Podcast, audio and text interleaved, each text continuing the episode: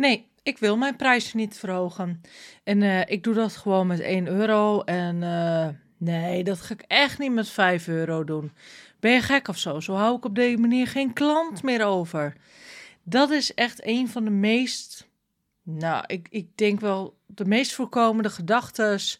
Of als ik zeg, joh, waarom doe je prijs niet over? Een van de meest gehoorde nou, weerstand, tegenargument wat ik dan hoor. En ik vind dat heel interessant, want daar schuilt natuurlijk iets onder. Er schuilt natuurlijk een enorme angst onder. En de angst is eigenlijk om afgewezen te worden. Misschien zit er ook wel een angst in van, goh, wat zullen mensen wel niet van je denken? Wat zullen mensen van je zeggen? En hoe ga je om met als mensen tegen je zeggen, goh, nou jij wordt wat duur, hè? Want je wordt dan... Uh, eigenlijk persoonlijk aangevallen. En dat is iets waar niemand van houdt. Geen enkele mens houdt daarvan. Maar om jouw bedrijf gezond te houden en ook om te kunnen laten groeien, is het wel nodig dat je dat wel gaat doen. Nou, dit is ook met een van mijn klanten is dit ook gebeurd. En um, we hebben daar een tijdje hebben daar een gesprek over gehad. En ik zag iets heel interessants, zag ik bij haar. Ze wou eerst met 1 euro omhoog, toen met 2,5. En toen zei ik van, goh, waarom dan eigenlijk niet met 5 euro? En uh, nou, ik geloof dat met 5 euro omhoog dat zo'n beetje de wereld al wel verging. Um, en dat snap ik. Zeker als jij in eerste instantie hebt gezegd: joh, ik doe het met 1 euro. Want dan in één keer moet je vijf keer meer gaan vragen. En dat is wel een behoorlijke mindfuck is dat. Want dat lag niet in je planning. Dat is niet hoe je, hoe je het wilde doen. Dat is ook niet hoe je het bedacht had. En dan ineens komt er zo'n Sabine Mus. Weet je, die komt dan langs zetten. En dat heet dan ineens een saloncoach. En die zegt, goh, ga je prijzen maar omhoog doen. Dan kom je ook vol in de weerstand. Omdat dat in de kern niet is wat bij je past. En waarom niet? Want als je gaat helemaal gaat lopen afpellen, komt weer dat stukje angst naar voren zetten. En ik vond het ook wel mooi om te zien dat er een heleboel argumenten naar voren kwamen zetten. Waaronder dus een van de argumenten: ja, maar Spien, als ik kijk naar de rest in mijn omgeving, dan zit ik nog onder de prijs. En toen dacht ik, dat is best interessant wat jij nu zegt. Want eigenlijk bouw je dan een soort zekerheid van je in. Van nou, ik ga dan wel omhoog, maar ik blijf nog onder de prijs van de rest, want dan blijven ze toch nog bij me. Oftewel, dan loop ik het allerminste risico dat mensen mogelijk bij me weglopen, dat ze over me gaan kletsen, dat ze iets van me vinden, dat ze misschien mij wel een geldwolf vinden of maakt eigenlijk niet uit. En dat is, dit is ook direct een uitnodiging voor jou wat nu als ik tegen jou zou zeggen: ga 5 euro omhoog per direct, of eventueel heel netjes per de eerste van de maand, of uh, over een maand pas. Wat doet dat met je? Schrijf dat eens eerlijk op op papier. Welke gedachten komen er naar voren? En hoe zou jij die kunnen gaan ombuigen? Nou, ik heb dat ook eventjes laten begaan, want um, Weet je, je kunt niet alles direct en meteen kun je veranderen. Ik kan dat wel, maar dat komt ook omdat ik heb die fases en die stappen heb ik allemaal al doorlopen. En iedereen doet natuurlijk alles in haar of zijn eigen tempo. En daar heb ik ook respect voor. Ik ga nooit zeggen dat je iets moet doen, maar wel zeggen van, nou ja, weet je, is dat wel zo handig? Ik geloof er bijvoorbeeld ook in als jij elke twee maanden een euro omhoog gaat, dan stuit jij ook elke twee maanden bijvoorbeeld op weerstand van mensen. Het blijft mensen dan meer hangen. Oh ja, die dame, die gaat dan elke twee maanden omhoog. Waar gaat dit wel niet heen? Terwijl eigenlijk als je in één keer de kogel door de kerk heen smijt, dan, uh, en je zegt ik ga met 5 euro omhoog, meestal blijven ze ook allemaal nog wel. Misschien een enkeling die je niet meer kan betalen. Uh, er zullen één of twee zijn die zeggen, nou je wordt wel duur hè.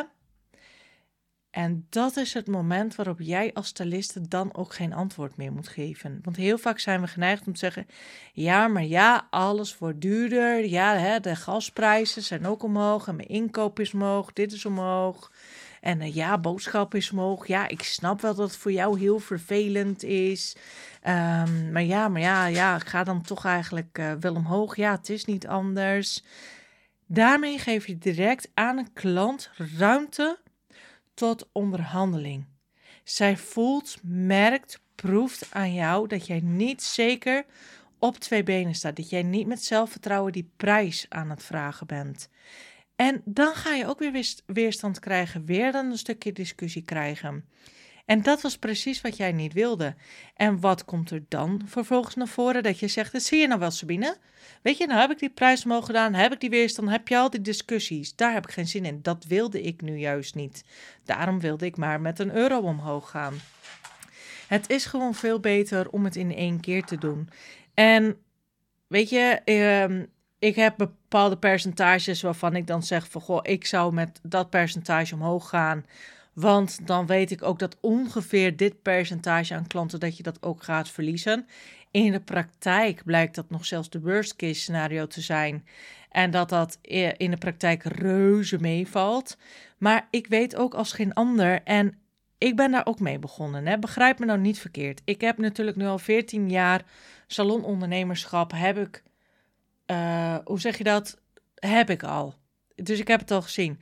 Maar als ik mij terug verplaats in de persoon wie ik was 14 jaar geleden en zelfs 10 jaar geleden, vond ik het ook super spannend om te doen.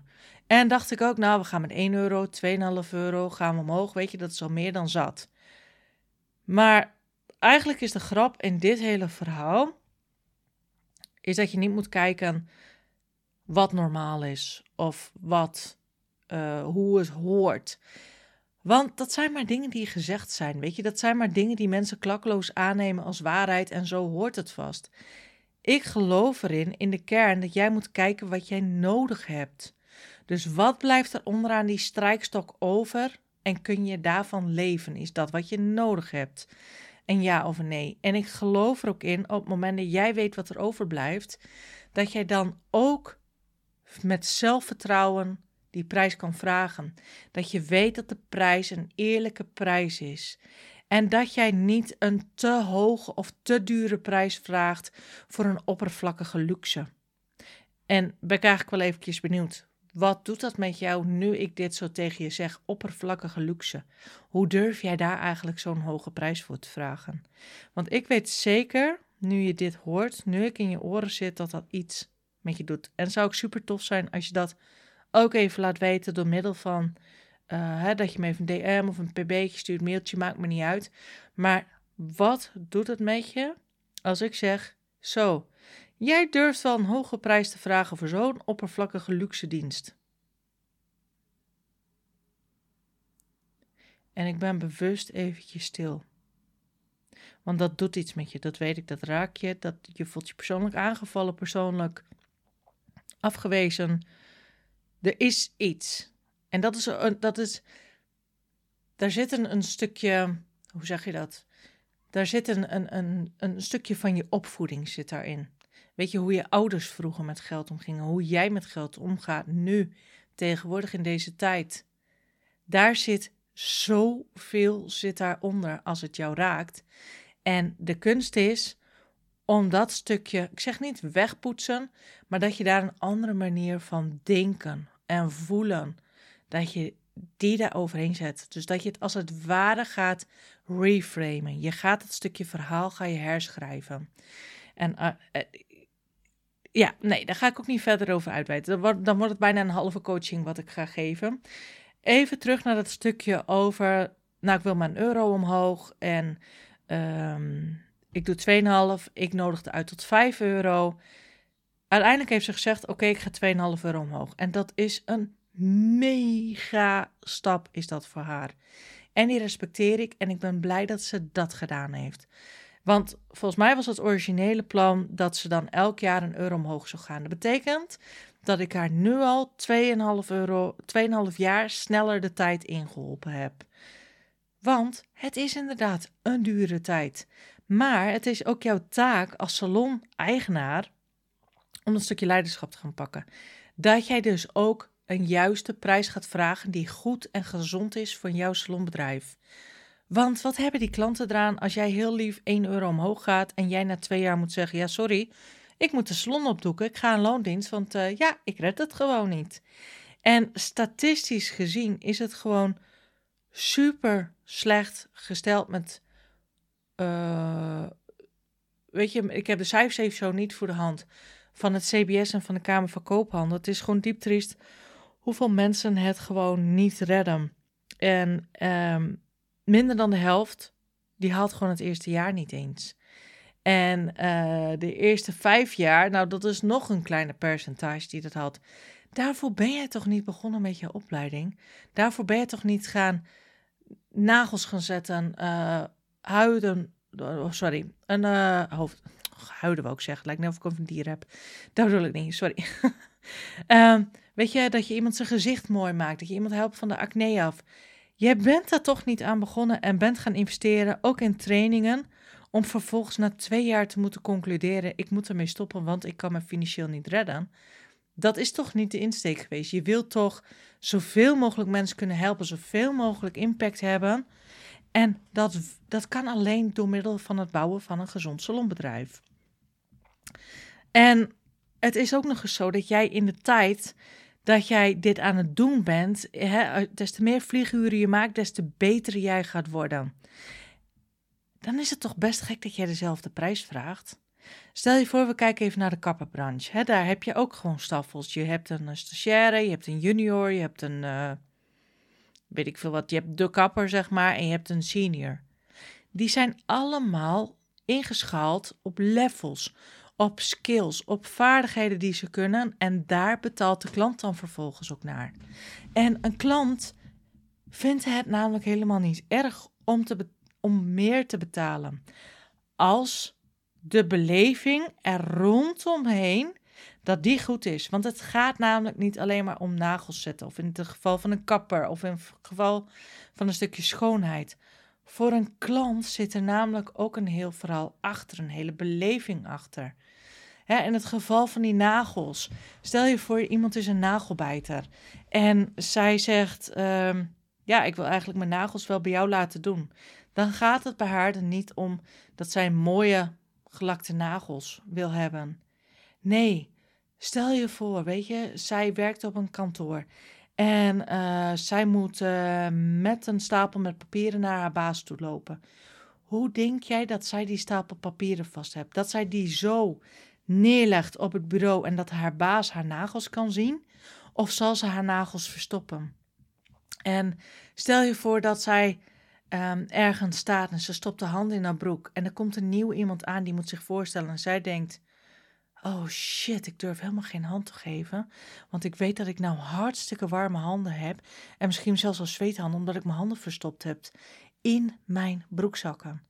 En ze schaamt zich de hele tijd. Dus het, het weet je, en als jij daar mooie, normale nagels van maakt, dan niet eens mooi gelakt dan hoeft zij haar nagels niet meer te verstoppen. Krijgt ze een stuk vrijheid terug. Wordt ze misschien een stuk spontaner, wordt ze ervan. Dus er zit heel wat achter.